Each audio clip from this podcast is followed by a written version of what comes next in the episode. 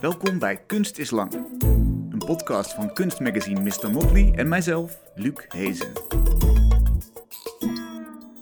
Leuk dat je luistert naar Kunst is Lang. Ik ben op tour langs verschillende kunstenaars in een seizoen dat mede mogelijk gemaakt wordt door verschillende musea, door Kunstcentrum Stroom, onze partner voor de kunst natuurlijk, maar ook door donaties van jullie. Veel dank aan iedereen die al heeft gedoneerd. En vind jij dat Kunst is Lang ook zou moeten blijven, kun je ons natuurlijk altijd steunen via de website van Mr. Motley. Ik zit vandaag bij Eliane Bots in Den Haag. Ze maakt films waarvan er veel gaan over conflicten en het doorgeven van herinneringen en verhalen.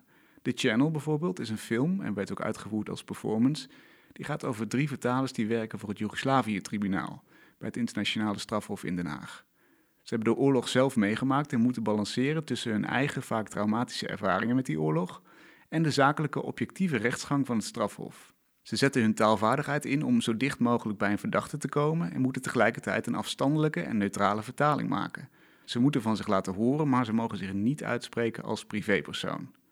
En in de documentaire aanvoelende korte film Cloud Forest zien we vijf Nederlandse jongeren wiens familie de oorlog in voormalig Joegoslavië hebben meegemaakt, maar zij zelf niet. Ze vertellen over de spaarzame brokjes informatie die ze van hun ouders krijgen en worstelen met de geschiedenis die wel effect op hen heeft, maar waar ze buiten worden gehouden.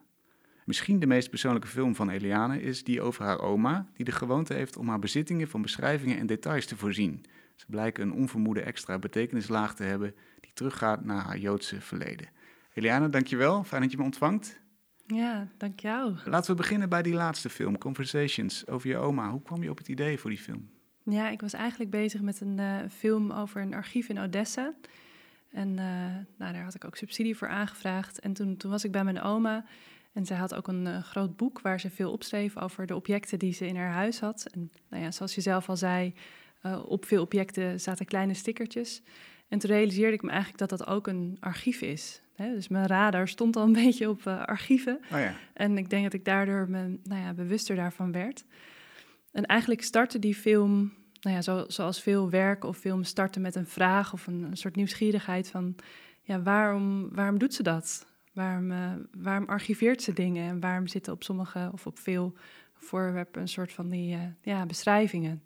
En toen ben ik eigenlijk die, uh, met dat proces begonnen. En dat, dat was een heel fijn proces, omdat het me ook de mogelijkheid gaf om met mijn moeder in gesprek te gaan. Met mijn oma natuurlijk in gesprek te gaan. En ook naar archiefmateriaal te kijken, wat ik al eerder gefilmd had. En dat is eigenlijk de, ja, het startpunt geweest van die, die, die film. De nieuwsgierigheid naar de, de, de rol van die, uh, die stickertjes. En ja. en ja, ook wel het plezier om met mijn familie te kunnen, te kunnen werken. Wat las je ja. op die stickertjes bijvoorbeeld, weet je dat nog? Ja, het waren hele verschillende dingen. Het waren hele zakelijke beschrijvingen, dus vaak een jaartal of van wie het gekregen was. Uh, soms een naam. Helemaal niet dingen waarvan je denkt, oh, dat, um, nou, dat is meteen heel fascinerend. Maar ik, ik vond de handeling zelf eigenlijk wel best wel fascinerend. En dat je dingen, dingen beschrijft en dat je ze ja, een naam moet geven of, of een beschrijving moet geven. Dat Mhm. vond ik er spannend aan. Er zit ook al humor in. Eentje was geloof ik een handwerkje waarop stond levenswerk. Hè? Ja. Maar, maar kan ook in twee avonden. Ja, ja, klopt. Ja, ja, ja. ja. Het geeft natuurlijk ook iets weg van de persoonlijkheid. Hè? De, de manier waarop we dingen schrijven, de manier waarop mijn oma dingen opschreef. Tuurlijk, er zit, er zit een soort persoonlijkheid in. En, ook geschreven eh, met, met een lezer in het achterhoofd. Want dat is bijna een grap die je voor een publiek maakt. Ja, gek genoeg eh, denk ik dat dus niet. Ik denk niet dat ze zich. ehm, ik heb dat nooit aan haar gevraagd. Op het moment dat ik die film maakte, was ze al eh, vrij oud. Ehm, maar ik denk dat ze dat niet zo bewust heeft gedaan, dat er een lezer was. Misschien dat ze wel het gedaan heeft met de gedachte van... Ja, eigenlijk zou iemand dit moeten zien of ik moet iets vastleggen. Ehm, maar ik denk niet dat ze aan een publiek dacht. Oh, ja. Ja. Ben, je eigenlijk dichter bij het antwoord op die vraag gekomen waarom ze het heeft gedaan? Mm. Wat komt eruit? Ja, ik denk dat die film, dat was de startvraag, en dat die film uiteindelijk heel erg gaat over het feit dat voorwerpen een drager kunnen zijn voor veel grotere verhalen. Dat iets heel kleins, zoals een glas waar wij naar kijken en gewoon een glas met water zien, eigenlijk iets veel groters kan, eh, kan bevatten. En dat die film uiteindelijk daarover gaat en wat de invloed is van, van de geschiedenis op, op een leven en op de generaties daarna. Dus die oorspronkelijke vraag heb ik misschien nooit helemaal eh, beantwoord. En Ehm, maar ik denk dat ik wel zelf een interpretatie eraan heb gegeven, van een soort antwoord voor mezelf heb gevonden. En ik denk dat het, nou, dat, dat op mij kwam het ook over als een soort controle hebben over je leven, door dingen vast te leggen en te beschrijven en te zeggen: dit is zo, dit is wat het is, of dit is gebeurd. Ehm, ja, denk dat het, uh, dat het daar deels vandaan kwam. Ja, ja. En erkennen van, uh, inderdaad, het is, het is gebeurd en je een richting geven van zo, dit is de context geweest. Zo heb ik het ja. beleefd. Ja, ja, absoluut. Ja. En voor mij was het ook die voorwerpen, of het, het, kijken naar die voorwerpen en het in haar huis aanwezig zijn, ook toen ze er niet meer woonde, ehm, was ook een soort vehikel om, om met mijn moeder in gesprek te gaan en, en met mijn oma in gesprek te gaan. Dus voor mij waren die voorwerpen ook een soort generator. Hè? Ik, ik kon daardoor ook een gesprek gaan voeren. En dat vond ik eigenlijk ook bijzonder. Hè, dat het een, een, startpunt kan zijn. Het kan je een ingang geven. Ja. Want soms is het best wel moeilijk om een gesprek te gaan, om een gesprek te starten met iemand over dingen. En dan kan zo'n simpel voorwerp kan daar wel bij helpen of kan een ingang zijn. Ja. Die extra betekenislaag aan die objecten, wanneer denk je dat die weg hebt? Hoe lang, hoe lang is zoiets houdbaar? Oh, dat is een mooie vraag. Um, ik, ik denk dat je die op verschillende manieren kan beantwoorden. ik denk dat die heel erg lang houdbaar is op het moment dat het doorgegeven wordt. En dat vind ik ook het mooie dat ik die, dat ik die film heb kunnen maken. Het is, al, het is echt al een flink aantal jaar geleden, maar ehm, hij is er nog steeds, die film. En daarmee zijn die voorwerpen en die betekenis van die voorwerpen voor mij persoonlijk er ook nog steeds. En um, dus ik denk dat het weg hebben, ja, de voorwerpen zelf zijn er misschien niet meer. En de, en de, de stickers of, of de verhalen zelf zijn er misschien niet meer. Maar doordat ze vastgelegd zijn, doordat ze deels doorverteld zijn, doordat ik ze heb kunnen lezen of uh, doordat we het erover hebben kunnen hebben, um, ja, bestaan ze eigenlijk nog. Hè? En dat is wat ik ook het spannende vind aan verhalen. Uh, ze zorgen ervoor dat je bestaat. daar geloof ik wel heel erg in. Hè? Jij bent een, een wolk aan verhalen en ik ben een wolk aan verhalen. En ja, als, als die bestaan, dan, besta ik ook een beetje meer nog. En ik, ik denk dat het met die voorwerpen ook zo is. Ze bestaan nog, want ik heb ze vast kunnen leggen. En ja, niet allemaal, maar een deel wel. Ja. ja. En juist het, de daad van het maken van die film is misschien vergelijkbaar met wat je oma deed. Hè? Dus, dus het, het, het, archiveren, het vastleggen, het ja. uh, uh, preserveren voor, voor de, ja. wat daarna komt. Ja, absoluut. absoluut. En en ik weet niet of je dat herkent, maar soms dan doe je iets en dan weet je op dat moment eigenlijk helemaal niet wat de betekenis is van datgene wat je doet. En die film is voor mij wel een soort sleutelfilm gebleken. Ik heb daarvoor ook andere werken gemaakt die nu vast ook nog van invloed zijn. Maar ja, door zo in mijn eigen uh, geschiedenis ook een keer te, te, graven en daarmee bezig te zijn, dat heeft me ook veel opgeleverd. Het gaf me veel inzichten, het gaf me een andere band tot mijn oma. Misschien ook wel zelfs wat op mijn moeder, met wie ik al een hele goede band had. Maar het, het leverde me veel op als persoon, maar ook als maker. Ja, inderdaad. Eh, als het gaat om, om dat artistieke proces, wat heb je dan daarvan geleerd? Nou, dus die, de, de bewustwording van die verhalen. Ik denk dat dat een hele belangrijke is. Dat het bewust, de bewustwording dat verhalen in een mensleven zo belangrijk zijn en dat het niet vertellen eigenlijk net zo belangrijk is. Mijn oma vertelde ook heel veel niet. Ze heeft natuurlijk, net zoals alle ouderen, de, bijna alle ouderen generaties in Nederland de, de Tweede Wereldoorlog um, uh, meegemaakt. Ze had deels een Joodse achtergrond. Dat is zeker van invloed geweest op hoe zij die oorlog heeft ervaren. Daar heeft ze niet veel over gedeeld. Met mij niet, ik denk ook met mijn moeder niet. Um, dus dat niet vertellen, dat is ook een verhaal. Hè? En via welke objecten kom je dan bij dat niet vertellen? Mm, nou, dat er bijvoorbeeld dingen achterop iets staan. Hè, dat je moet zoeken. Dat je een schilderij om moet draaien voordat je iets ziet. Het, het voelde ook soms als hints die ik kreeg. Hè, dat ik in dat huis was en hm. dat we iets ontdekten. En ik dacht, hé, hey, god, dit is een, een hint naar een verhaal wat ik verder nooit zal kennen. Of dit, dit is uh, het raden. Hè, het, het je inbeelden wat er gebeurd is. Het, en, en daardoor werd het ook mijn verhaal. Het zijn ervaringen die mijn oma heeft meegemaakt, die doorgegeven zijn aan mijn moeder, misschien wel door het zwijgen. En die ik door die objecten om te draaien en te bekijken en daarover soms in gesprek te kunnen gaan, werd het ook een beetje mijn verhaal. Omdat ik mijn nieuwe, ik beelde me natuurlijk verhalen in. Ja. En dat, dat doe je denk ik bijna allemaal als mens. Als je iets hoort of leest, en dan ontstaat er een film. En dan, dan, ja, dan, dan worden die verhalen misschien ook een heel klein stukje van jou. Mm. Ja. Hoe heeft het je beïnvloed in de zin van de films die daarna kwamen? Want je zei net, het was een ja. sleutelfilm. Ja, ik denk, je maakt natuurlijk altijd een keus, of ik maak een keus.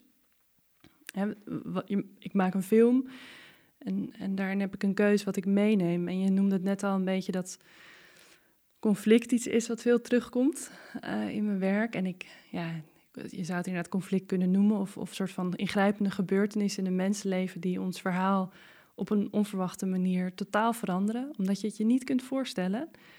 Je hebt zo'n projectie naar de toekomst, een verhaal over de toekomst, en dan gebeurt er iets in het leven waardoor die projectie of dat verhaal eigenlijk niet meer klopt met je geschiedenis, met alles wat je tot dan toe kent. Nou, ik denk dat voor mijn oma uh, die oorlog daar zeker zo'n zo'n onverwachte gebeurtenis was, mm. zo'n conflict. En dat mijn interesse in, goh, hoe, hoe beïnvloedt dat onze verhalen? Hoe beïnvloedt zo'n gebeurtenis die je, ja, die je niet kunt voorstellen, die je niet, niet kunt toewensen, en waarvan je niet weet hoe die afloopt? Hoe beïnvloedt dat wie je als, als mens, als narrerend, als vertellend mens bent? Dat, wat, dat was wel wat ook uit die film kwam. Dat is een thema wat je is blijven interesseren. Ja, en dat is, dat is um, ja, soms gaat het ook zo dat je, dat je, soms kies je niet, hè? Dat klinkt een beetje gek, maar soms kiest je werk ook voor jou. Dus ja, ik zie een werk ook een beetje als een, als een soort entiteit die in een dialoog treedt met mij. Dat werk is er op een gegeven moment en daar moet ik ook een beetje naar luisteren. Het is niet zo dat het werk mij domineert en zegt je moet dit doen, maar het werk zei wel iets. Hè? Dat werk dat, nou, dat geeft een hint of dat wil iets zijn. En Ehm, dat idee van zo'n grote gebeurtenis of conflict, hoe dat, hoe dat een mensenleven beïnvloedt en hoe dat de verhalen uh, beïnvloedt, dat is wel iets wat, wat uit die film kwam. En wat, waar ik mee door ben gegaan. En dat wil niet zeggen dat dat het enige onderwerp is waar ik in geïnteresseerd ben. Maar zo komen er ook dingen op je pad waar je dan gevoeliger voor bent. Hè, waar, die je misschien opmerkt daardoor. Doordat, je, doordat er iets aangezet is. En ja, doordat er iets aanstaat, merk je dingen op en raak je met bepaalde mensen in contact. En als je het hebt over zo'n ontwrichtende gebeurtenis, dan, dan zou ik bijna denken, laten we naar buiten kijken. En bedoel, dat, dat gebeurt ons nu allemaal natuurlijk. Ja, zeker. Uh, zou deze tijd voedingsbodem kunnen zijn voor zo'n film van jou? Nou, ik kan me dat wel voorstellen. Ik zit nu heel erg in de montage van een film en dan vind ik het soms moeilijk om, uh, om al vooruit te kijken of om al uh, daar, daar verder mee te gaan. Hè. Je zei in de introductie, ik ben nu bezig met het monteren van de film over de vertalers. Dus mijn focus is nu heel erg daar. En uh, uh, ik heb een idee voor een volgende film. Maar ik kan me heel goed voorstellen dat deze tijd een bepaalde invloed gaat hebben die ik nu nog niet, ja, die ik nu nog niet weet. Hè, soms moet je ook een beetje afstand hebben tot iets om te snappen wat de invloed is. Wat ik eerder ook al zei, soms weet je niet uh, wat een werk betekent. Pas als je één, twee, drie jaar later terugkijkt, denk je, goh, of denk ik, dat was een sleutelwerk. En ik denk bijvoorbeeld het werk wat je eerder uh, noemde, de, de, met de vertalers, de performance die ik gedaan heb, dat was eigenlijk voor het eerst dat ik een performance deed. En terugkijkend nu, een paar maanden later, denk ik dat dat ook een sleutelwerk wordt. Maar ik weet nog niet hoe. Hè? Hmm. Ik voel ergens, hier zijn dingen gebeurd die ik niet had kunnen voorzien. Ik, uh, er is iets nieuws ontstaan in mijn praktijk, maar ik weet nog niet wat het betekent. Laten we dan één stapje terug doen naar een andere film, uh, Cloud Forest. Waarin we vijf meiden horen praten over de Joegoslavië-oorlog, die ze zelf niet hebben meegemaakt. Ja. Maar die via trauma's van hun familie wel uh, ja, bij hen binnenkomt eigenlijk. Waarom resoneerde dat verhaal bij jou? Ja, ik, ik uh, geef les op de, op de kunstacademie in Utrecht. En ik liet daar de film daarvoor zien, The Brick House, die ik nou ja, ook een paar jaar geleden maakte. En we spraken daarover met studenten en ik raakte in gesprek met, met een van mijn studenten, Elma. En zij zei van, ehm, ja, mijn familie heeft eigenlijk ook een bijzonder verhaal. Hè, en, misschien uh, kunnen we het daar een keer over hebben. En ik weet niet meer precies hoe die eerste, dat eerste gesprek ging, maar ik was wel heel erg onder de indruk van wat zij vertelde. En ook dat ze dus dat met me wilde delen. Dat ze dat zelf, ja, dat ze die openheid had en ook een soort eagerness om, om dat verhaal te delen van haar familie en van haarzelf. En um, nou, het was helemaal niet de bedoeling dat dat een film zou worden. Zo gaat het denk ik vaak. Uh, dat, ik was gewoon heel nieuwsgierig en ik wilde heel graag haar wat beter leren kennen. En we hebben veel gesprekken met elkaar gevoerd. En op een gegeven moment dacht ik, ja, dit, hier zit een film in. Dit is zo bijzonder wat zij vertelt en zo krachtig wat zij vertelt. En, en ik denk ook heel belangrijk. Um, welke elementen waren dat? Want ze, mhm. ze heeft een, een heel, uh, zou je kunnen zeggen, een, een, een, een verhaal wat uit plukjes bestaat, plukjes informatie. Ja, ja. Nou ja, ik vond het heel bijzonder dat zij um, zo zelf ook op zoek ging. zij is, ik, je hebt de film gezien, denk ik. En uh, zij is ook degene die vertelt dat ze op YouTube dingen is gaan zoeken. En dat ze op die manier eigenlijk ook deels achter de geschiedenis van haar, van haar vader in dit geval uh, kwam. Het zijn allemaal meiden van ongeveer 19, 25. nu, nu, nu zijn ze rond, zij is nu 25, 26. Ja. Um, en die film heb ik, nou, ben ik al eerder begonnen. Film is voor mij altijd een langzaam en lang traject. Dus ik, ik, ken, uh, ik ken haar inmiddels al een flinke tijd. Um, en het feit dat nou, zij introduceerde mij bij, haar, bij een aantal vriendinnen van haar, die ook in de film zitten. En dat zij eigenlijk een soort gelijke geschiedenis hebben. Dus hun, hun ouders hebben allemaal die conflicten uh, meegemaakt. Maar dat daar op een compleet andere manier in families mee om wordt gegaan. de ene familie is heel open en dat verhaal is keer op keer op keer verteld en, en wordt uh, gedeeld, want het wordt belangrijk gevonden. Terwijl nou ja, uh, in, in Elma's familie, in andere families, er misschien veel minder gedeeld wordt. Of er gezocht moest worden naar informatie. Of bepaalde dingen via het luisteren door een muur heen ja, gehoord werden. Of uit het, uit, het, uit raam, als er toevallig ook andere mensen waren die, die samen aan het praten waren. En ik, ik vond dat een heel um, ja, fascinerend, uh, fascinerend iets, dat er dus zo verschillend met een bepaalde geschiedenis wordt omgegaan. En te merken dat die geschiedenis nog zo ontzettend actueel is in, in levens van mensen die dat niet zelf hebben meegemaakt. En dat kon ik natuurlijk ook wel een beetje linken aan mijn oma. dat, ik heb die oorlog niet meegemaakt, Tweede Wereldoorlog. Sterker nog, er zit zelfs een generatie tussen van mijn moeder, uh, van mijn ouders. Um, en toch betekent het iets voor me. toch heeft het me beïnvloed in wie ik als mens ben. En die invloed kan ik misschien niet helemaal benoemen, maar hij is er wel. Het is net als heel veel andere invloeden in mijn leven, is, is hij van invloed. En dat vond ik ook een fascinerend gegeven wat ik bij hun merkte. Die, die familiegeschiedenis is echt heel, heel belangrijk. In, in hoe je in het leven staat en hoe je dingen aangaat en, en hoe je met dingen omgaat. Dus dat vond ik ook in die gesprekken met, met haar heel uh, ja, fascinerend. En het feit dat zij dus in een luisterende positie zaten. Dus niet zelf fysiek dat conflict hebben meegemaakt, maar eigenlijk alleen maar via verhalen en de feiten en hun verbeelding dat conflict toch uh, ja, meegemaakt hebben of toch. Ze gaan stiekem naar boven om YouTube-filmpjes te bekijken van, ja. van, van scènes uit die oorlogen. Ja. Omdat ze aan de ene kant niet de familie ermee willen belasten, maar wel zelf op de hoogte willen zijn. Dus ze moeten het ook een beetje bij elkaar sprokkelen. Uh, die luisterende positie waar je het over had, daar zit je eigenlijk twee keer in. Want ze luisteren naar wat ze aan jou verteld hebben. Ja. In een soort donkere, sprookjesachtige setting. Ja, klopt. Waarom heb je daarvoor gekozen? Omschrijf even wat we zien in die setting. Ja, wat je ziet is, um, je ziet eigenlijk een soort sprookjesbos. Dat zei je heel mooi, met heel veel um, glitter en glow in the dark. En dat is een uh, decor wat Elma heeft gemaakt. Dus uh, ook degene die je als eerste in de film ziet. Zij was dus mijn uh, student en ik heb haar gevraagd om het decor te maken voor de film. Um, ik dacht, we hebben een plek nodig die ons heel veel mogelijkheden geeft. Die ons de mogelijkheden geeft om, om scènes te spelen op, op een plek. Die ons ook de mogelijkheid geeft om die, dat mechanisme van die verhalen te verbeelden. Dus um, uh, ja, het feit dat je dingen in het donker, dat die, dat die verhalen niet scherp zijn, maar onscherp. Hè, dat ze bestaan uit fictie, dus, dus feiten, maar ook uit dingen die je soms verzint. Omdat er leegtes zijn, omdat er stilte is, moet je dingen opvullen. En dat, ik had het gevoel dat dat in dat decor ook uh, kon. Dus het is een beetje een soort bos waar, waar die verhalen doorheen dwalen en waar de film ook doorheen dwaalt.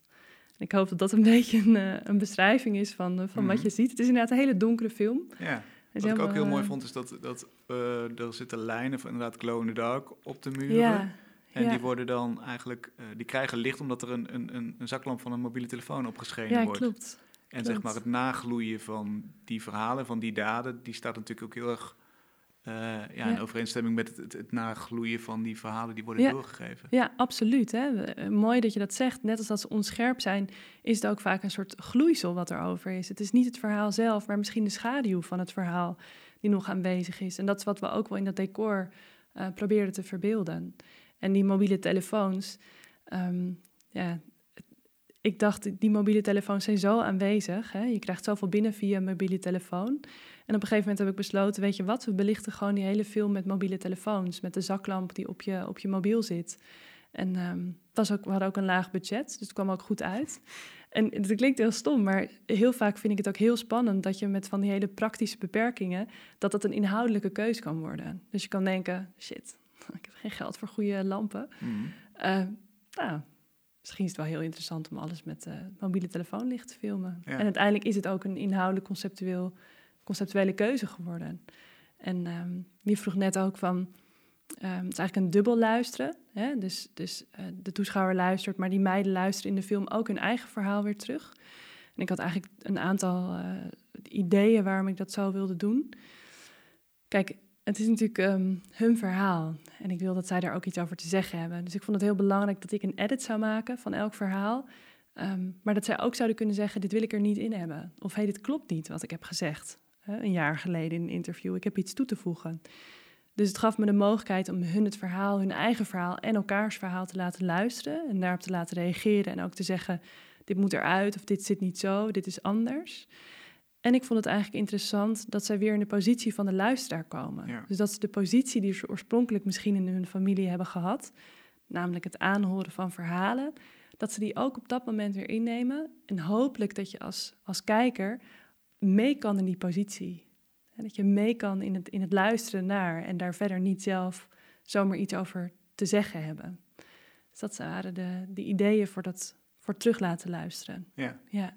Wat Ja. maakt eigenlijk dat film jouw medium is? Waarom is dat zo'n krachtig en mooi medium? Ja, ik denk dat dat eh, begon bij mijn afstuderen op de, op de kunstacademie. Want ik ben meer opgeleid ook als tekenaar en schilder. En uiteindelijk wel met een video afgestudeerd. Ehm, en ik ben mijn tekeningen ooit gaan animeren. Omdat ik het gevoel had, ik wil ze, ik wil ze tot leven wekken. Ik wil dat ze kunnen ademen, mijn tekeningen. En kunnen knipperen met hun ogen. En eigenlijk werd die wens steeds sterker om zo dicht mogelijk bij het leven te komen. En ik had gewoon het gevoel dat dat niet lukte in die andere media. Dat ik niet het leven kon vangen. En dat kunnen anderen wel, maar mij lukte het niet. Ik, ik wilde echt dicht bij het leven komen. En toen snapte ik nog niet helemaal wat dat leven voor mij betekende. Waar, wat wilde ik dan, hè, dicht bij het leven? Je zou kunnen zeggen, een landschap schilderen is net zo dicht bij het leven als iets filmen. Ehm, maar ik ben er wel heel erg achter gekomen dat voor mij het leven ook heel erg gaat over ontmoeten. Dus mensen ontmoeten en met mensen werken en naar elkaar luisteren en elkaar leren kennen. En dat voor mij film echt bij uitstek het medium is waarin ik dat kan doen. Film is voor mij een heel sociaal medium. Het is soms ook eenzaam, want ik zit lang alleen te monteren of ben lang alleen aan het werk. Tegelijkertijd, ik werk altijd samen met mijn, de mensen die in mijn films zitten. En dat zijn hele langdurige processen, vaak van meerdere jaren. Eh, waarin je iemand leert kennen, waarin je samenwerkt, eh, waarin je op aftast wat wel, wat niet. eh, hoe voelt iemand zich? Hoe voel ik me in deze ontmoeting? Hoe gaan we de film bouwen? Ehm, net zoals wat ik net al hier voor de, voordat we in gesprek raakten, zei over de samenwerking met mijn cameraman. Het feit dat ik de film niet alleen maak, maar dat er iemand anders bij is die, die ook suggesties doet en ook een mening toevoegt aan dat maakproces, dat is in het leven staan. Dat, dat is dicht bij het leven komen voor mij. En ik, ja, dat is wat, waarom ik eh, voor film, eigenlijk de, de liefde die ik voor film heb, het is ook een soort eh, mogelijkheid om het leven op te zoeken. Hmm. Ik kan me niet voorstellen dat ik alleen maar in mijn studio zou zitten en werk zou maken. Wat anderen heel goed past. Maar ja, En het eindresultaat, is dat een soort van podium dan van het leven wat je hebt opgezocht? Wil je, wil je iets op dat podium zetten en zeggen, kijk mensen, dit is Mhm. belangrijk, dit is er ook? ja dat is een spannende vraag. Ehm, ik denk meer dat ik een soort. ehm, ik zie mezelf meer als een soort platformbouwer.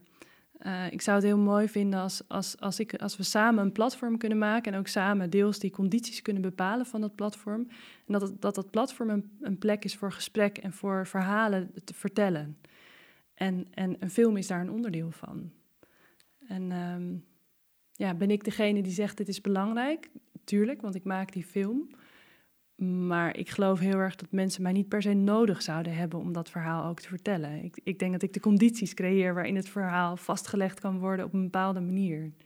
Ja, ja. En, en wat ik wel eh, mooi vind, mijn films worden vooral op filmfestivals vertoond. Ehm, en dat vind ik een hele interessante setting omdat je dan in een, eh, in een ruimte zit en het, de film van het begin tot het einde moet kijken. En dat is anders dan op een expositie, waar je toch vaak vluchtiger kijkt. Mhm. En je kan zitten, maar er lopen ook mensen langs. En nou ja, mijn films duren toch iets langer. Misschien kijk je hem dan niet van het begin tot het einde. En ik vind dat bijna dwingende concept van een bioscoopzaal of een cinema ook wel heel spannend. Omdat ik daarmee wel kan zeggen, dit is het tempo waarin we kijken. Dit is Mhm. de volgorde waarin je kijkt. En dit is het verhaal. Ja. Dus in die zin ben ik misschien wel degene die uiteindelijk Ja. bepaalt. Hier moet je naar kijken. en ook best wel dwingend in de context van een bioscoop. Ja. Ja. Eh, Ja. Toch ga je die context ook weer een, een beetje loslaten, want eh, er komt nu een publicatie eh, over narrating conflicts, zo heet die eigenlijk, dat is de titel. Dus hoe geven mensen door taal, woorden, verhalen vorm aan het conflict waarbij ze betrokken waren, of juist niet, hè, als het in het geval van families is geweest. Eh, welke rode draad heb je gevonden in het taalgeven aan Hmm. een conflict? Ja. ja, misschien mag ik eerst iets zeggen over waarom ik eigenlijk eh, zo'n andere vorm heb gekozen. Ehm, nou ja, zo'n film maken is een lang proces waarin ook heel veel besproken wordt en heel lange interviews gedaan worden. Of ik doe lange interviews. En ik merkte eigenlijk steeds vaker dat ik het jammer vond dat, die, ehm, dat er in de film zelf zo weinig mogelijkheid was om te delen. Niet alle verhalen passen in een film of passen bij de vorm van een film. En ik merkte dat ik de meeste verhalen eigenlijk zo belangrijk vond dat ik dacht, ehm, hoe mooi zou het zijn als je wel al die verhalen in zijn, in zijn geheel kan lezen. En eh, toen heb ik ervoor gekozen om drie van mijn films, eh, ja, eigenlijk het onderzoeksmateriaal te gaan bekijken, als, opnieuw te gaan bekijken als materiaal en te kijken of ik dat materiaal op een andere manier kon vormgeven, waardoor het een publicatie eh, zou kunnen worden, waar je inderdaad die hele verhalen kan lezen van, van de meiden in, in de film en, en van de vertalers en nog een, eh, een derde film. En eh, jouw vraag van, heb ik iets ontdekt? Hè? Lijnen in, in, in dat verhalen van conflict. Nou, ik heb ook wel ontdekt dat, dat er heel veel verschillende posities zijn. Dus misschien niet dat er... Er zijn overeenkomsten, jazeker. Hè, tussen mij en mijn oma en, en de meiden, Bosnische meiden. Daar zitten heel veel overeenkomsten tussen. Hoe die verhalen in families worden doorgegeven... en wat de rol is van zwijgen eh, daarop. Maar er zijn ook heel veel verschillen. En de publicatie heeft drie delen. Het eerste deel is, is, de, de, de meiden eh, van Cloudforest en het tweede deel zijn de vertalers. Die hebben al zo'n andere verhalende positie. En de vertalers zijn een soort eh, channel, een intermediair tussen eh, eh, de mensen die spreken over een verhaal. Zij vertellen niet hun eigen verhaal, zij vertellen altijd het verhaal van een ander. En zij mogen daar absoluut niet emotioneel op reageren. Hè, in ieder geval niet tijdens het vertalen. Terwijl de meiden vertelden natuurlijk ook het verhaal van een ander, van hun ouders. Maar dat was tegelijkertijd ontzettend hun eigen verhaal geworden. Daarin zat ook hun eigen bestaan en hun eigen twijfels. En hun eigen kracht zat daar ook ontzettend in. En dat is zo'n andere positie dan die vertalers. En het, derde deel gaat over een eh, familie ehm, waar ik mee werkte. En nou, die zijn me heel dierbaar geworden. Zij wonen in Warschau en ze komen uit Tsjetsjenië oorspronkelijk. En zij gaan met dat conflict op een heel andere manier eh, om. Ehm, het conflict zit heel erg in de geschiedenis van het Tsjetsjeense volk. Um, je zou kunnen zeggen, eeuwenlang is dat een, een geschiedenis vol, vol conflict. Ehm, dus zij hebben ook eh, gedichten van, van, van tientallen, honderd jaar geleden die daarover gaan. En, en zij dromen bepaalde dingen waar ze veel waarde aan hechten. Dus je zou kunnen zeggen, dat is ook een, nou, ik wil niet zeggen een spirituele omgang met het conflict, maar dat conflict is heel anders ingebed in, in de verhalen die ze vertellen, de verhalen die ze schrijven, de gedichten die ze zelf maken, maar ook de gedichten die ze eh, opnieuw en opnieuw voorlezen en over conflict gaan. En dus wat ik ontdekt heb, en dat is natuurlijk absoluut geen wetenschappelijke ontdekking, maar wel heel erg als iemand die gefascineerd is door verhalen, dat er dus heel veel verschillende posities zijn. En dat er binnen die posities wel degelijk overeenkomsten zijn, maar dat er dus ook heel veel verschillen zijn. Ja. Ja. En wat zijn dan de, de overeenkomsten? Of wat, wat maakt dat... Is er, een, is er een gemeenschappelijke grond als het gaat over, over het vertellen over conflicten? Als in eh, Hmm. misschien het effect ervan. eh, dus dus eh, helpt het je om erover te praten of helpt het je juist niet? Of is er helemaal geen pijl op te trekken? Hm. Ja, eigenlijk zou ik ook daarin zeggen dat het heel verschillend is. Dat je niet kan zeggen het helpt om erover te praten. Ja, voor sommige mensen misschien wel. Terwijl het voor andere mensen opnieuw een, een, een, een trauma kan veroorzaken. Hè? Of, of een, een herbeleving. Ehm, ja, ik geloof niet dat ik daarin kan zeggen, dit, dit is een... eh, hier zit een gelijkenis in. Of dit, dit delen ze allemaal. Wat ik wel denk, is wat, dat die verhalen allemaal belangrijk zijn voor ons om de ander te kunnen begrijpen. Om te weten waar de ander over spreekt. Ik las kort geleden over de Theory of Mind. Dus het is een begrip uit de psychologie. Uh, waar het gaat over empathie. Waarom kan ik empathie voor jou voelen? Omdat ik me kan indenken uh, wat jij denkt, of hoe je je voelt, of waar je misschien vandaan komt. En om dat te kunnen, moet ik misschien ook wel iets over je weten. Moet ik misschien een beetje weten wie je bent, of wat je drijfveren zijn, of je angsten. En ik denk dat deze verhalen zijn zo deels ook bepalend voor hoe mensen in het leven staan, dat het belangrijk is dat, dat die verteld worden hmm. en dat we daar kennis van nemen. En dat is dan geen gemeenschappelijke deler in dat uh, verhalen over uh, conflict, maar wel de reden waarom ze denk ik allemaal belangrijk zijn en in die publicatie komen. Ja. En waarom kon dit, zou dit geen film kunnen worden? Wat, wat maakt dat dit een ander medium moest worden? Nou ja, waar, waar, ik al iets eerder iets over zei, sommige verhalen zijn 11, 12 pagina's lang. Um, tot nu toe maak ik altijd korte films. Wie weet uh, komt daar verandering in, uh, komt er een lange film. Daar is simpelweg een beperkte ruimte. Ja. als ik met vijf meiden werk en je hebt 18 minuten, je kunt zelf bedenken, dan, dan heb je maar weinig tijd. Er, er is gewoon weinig ruimte. Plus dat sommige verhalen. Um, ja, sommige, je, je kiest voor een, een, een richting in een film. En daar valt jammer genoeg heel veel af, maar dat is ook goed maar die verhalen blijven dan stil als ze in mijn archief zijn. Terwijl dat betekent niet dat de verhalen minder belangrijk zijn of minder interessant. Ze, ze pasten alleen niet binnen de context van die film. En, en ehm, zou, ik, zou ik daar een film over kunnen maken? Nou ja, een film is voor mij wel heel erg een audiovisueel medium. Heel anders dan de, de geschreven verhalen. En ik geloof niet dat ik een interessante film zou kunnen maken met al die verhalen erin. Nee. Nee, dan, dan zou ik het. Ik heb dan de audiovisualiteit van film niet nodig.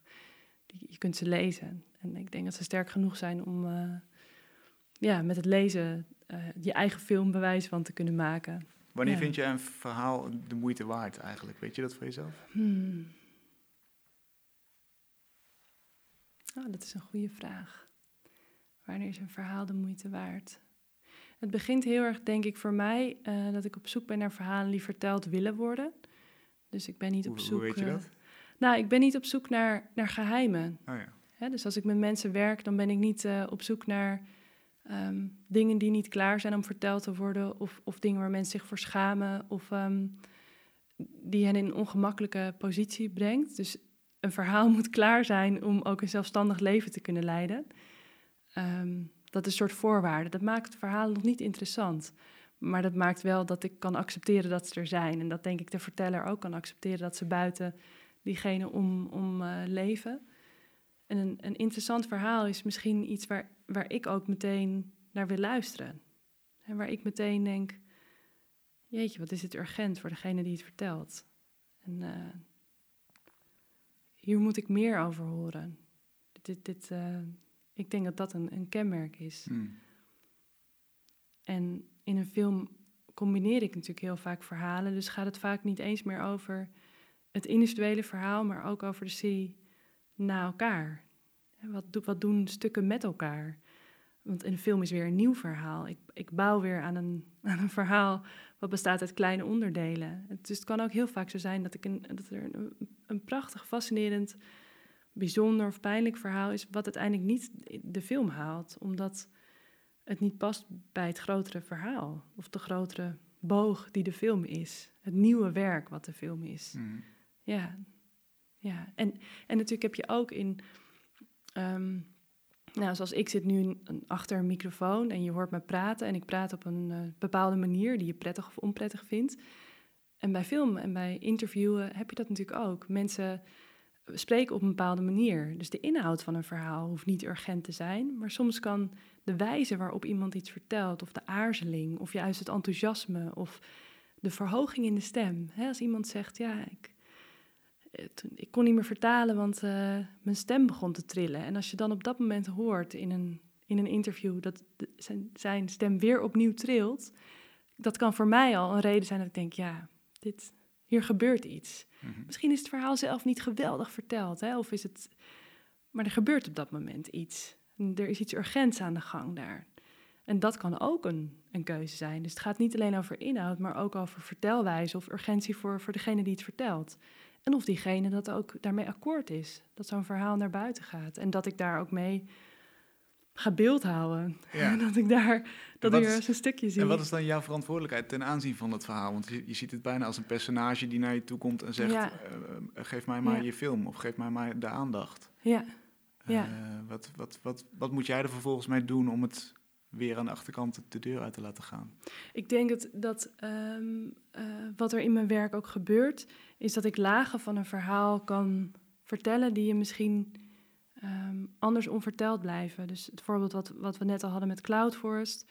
Heel veel dingen kun je ook niet vertellen. Heel veel dingen zijn onvertelbaar in een verhaal. Zoals?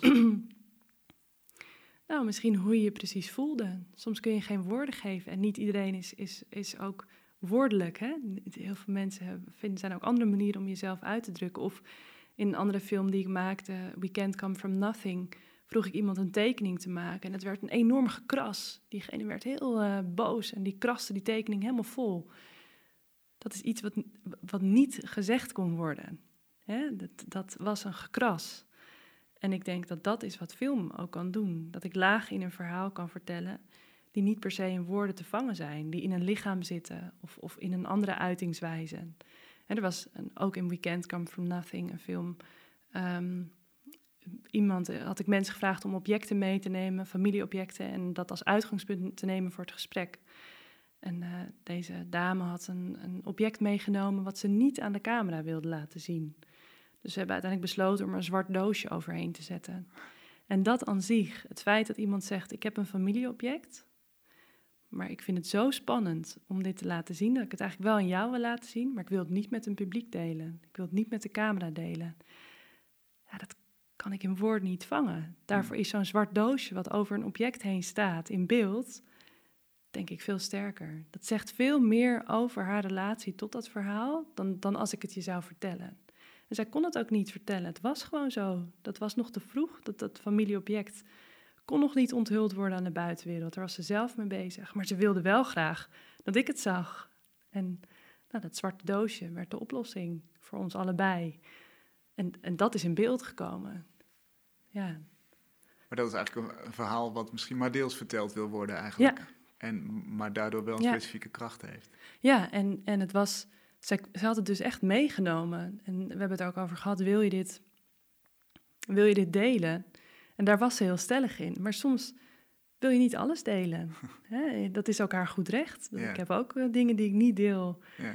En eh, ik kan kiezen wat ik vertel en wat ik niet vertel. En zeker, dat vind ik ook heel belangrijk als ik werk, dat, dat mensen weten dat het, het is geen conversatie tussen twee vrienden.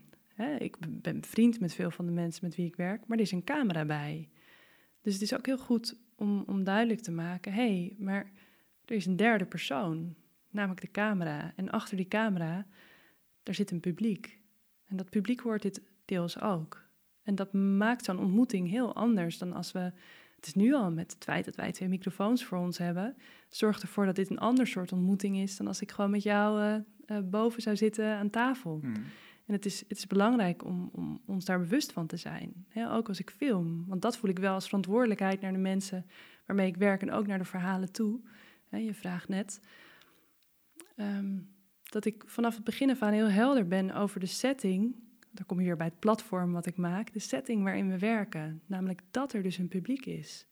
En dat het oké is om te zeggen: nee, dit deel ik niet. En dat je misschien zelfs je onderwerpen, om ze zo even oneerbiedig te noemen, ook in bescherming moet nemen Met tegen die 100%. macht. Ja. Tuurlijk, ja, tuurlijk. En, en eh,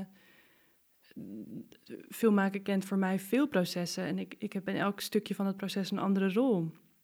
Hè, de montage heb ik een andere rol dan als ik op, met mensen aan tafel zit of als ik op een set sta. Maar om elke keer te beseffen dat er dus een, een derde personage of een derde persoon aanwezig is in die ontmoeting, Hmm. dat is wel heel belangrijk. En, want het geeft ook vrijheid. Het, geeft, het is niet alleen maar problematisch van shit, er is nog, eh, het publiek zit dit. Het geeft ook de mogelijkheid om te zeggen, hé, hey, maar we kunnen een spel spelen. Iemand kan zeggen, ik wil graag acteur zijn van mijn eigen leven. Of ik, ik wil een bepaalde positie innemen. Ik wil een bepaalde kracht laten zien of juist niet. Hè, dus iemand kan ook, doordat er een podium is, doordat er een camera is, bepaalde keuzes maken die in een gewone ontmoeting misschien helemaal niet aan de orde zouden zijn. Ja, Dus het is eigenlijk een, ook een spel met verhalen. Jouw, Ja. jouw, jouw werk. Een, een, Ja. een, eh, ja. ja, een spel met verhalen eigenlijk. Ja, dat zou je wel, zo zou je het wel kunnen zeggen, waarvan de spelregels wel heel duidelijk moeten zijn ook. Ja. Ja, En je zei net, ik heb verschillende rollen in dat proces. Zitten die Ja. elkaar ook wel eens in de weg? Zitten er tegengestelde belangen binnen dat hele productieproces? ja zeker. Ik, ik denk dat veel mensen dat herkennen, die, dat je... ehm, je zit natuurlijk in een andere positie. Als ik monteer, dan bepaal ik wel, welke verhalen in een film komen. En hoe, hoeveel tijd er is voor iets of hoeveel, ehm, hoe iemand erop staat. En dat is een, en daar moet ik me bewust van zijn. Dat is een bepaalde macht die ik heb, hè, die ik krijg. Iemand zit niet naast me tijdens het monteren. Hmm. Terwijl als ik een gesprek voer, diegene is er zelf ook. En die kan ook na het gesprek zeggen: hé, hey, eh, dat stuk, dat, eh, nou, dat hoeft er niet in. Daar wil ik niks mee. Dus dat is, dat is een, een fundamenteel andere positie. Ja. En die zitten elkaar wel eens in de weg. Ja, want Ja. soms heb je iets heel moois wat iemand verteld heeft. Of iets ehm, waar ik heel erg van onder de indruk ben. Of wat heel goed zou zijn voor de film. En dan denk je als editor, "Ha, Gebruiken. dit moet erin, mooi beeld, mooi stuk. Maar dan weet je ook, ja, als interviewer, eh, dit was niet een, op een moment waarop iemand zich oké voelde. Dus dit, dit, ga ik, dit kan je niet gebruiken. Ah, dit ja. komt er niet in. Dus zo is het heel erg zoeken. Tuurlijk, in al die wisselende posities. En soms ook helemaal aan het begin van een film. Soms zeggen mensen, denk je, goh, wat een... Ja, met jou zou ik meer tijd door willen brengen. Maar iemand zegt, nee, ik, ehm, ik heb niks te vertellen. Terwijl je dan zelf denkt, terwijl ik zelf denk, ja, maar je hebt ontzettend iets te vertellen en dit is belangrijk. Maar ja, als iemand zegt, eh, ik heb geen verhaal, dan houdt het op. Dus er zijn verschillende posities die elkaar absoluut soms in de weg zitten. Ja. Maar wat het dus ook meteen weer een super spannend proces maakt. Waar ben je nu mee bezig? Ja, ik ben nu midden in het eh, monteren van de film over de vertalers van het eh Joegoslavië-tribunaal. Ehm, dat is ook een lang project dat ik nu aan het afronden ben. Ik zit echt in het laatste stukje van de montage. En de film heeft eh, nou ja, onder andere door corona wat vertraging opgelopen. Maar ook doordat ik eh, uit werd genodigd door ITVA, het eh, documentaire filmfestival in Amsterdam, om een, versie van de film te maken. Een, eigenlijk een, een, een performatieve versie van de film. En toen heb ik de, de film zelf even stopgezet en ben ik eigenlijk drie maanden heel hard daaraan gaan werken. En dat is afgelopen november opgevoerd of uitgevoerd. Ehm, dus daar ben, ik nu, daar ben ik nu mee bezig.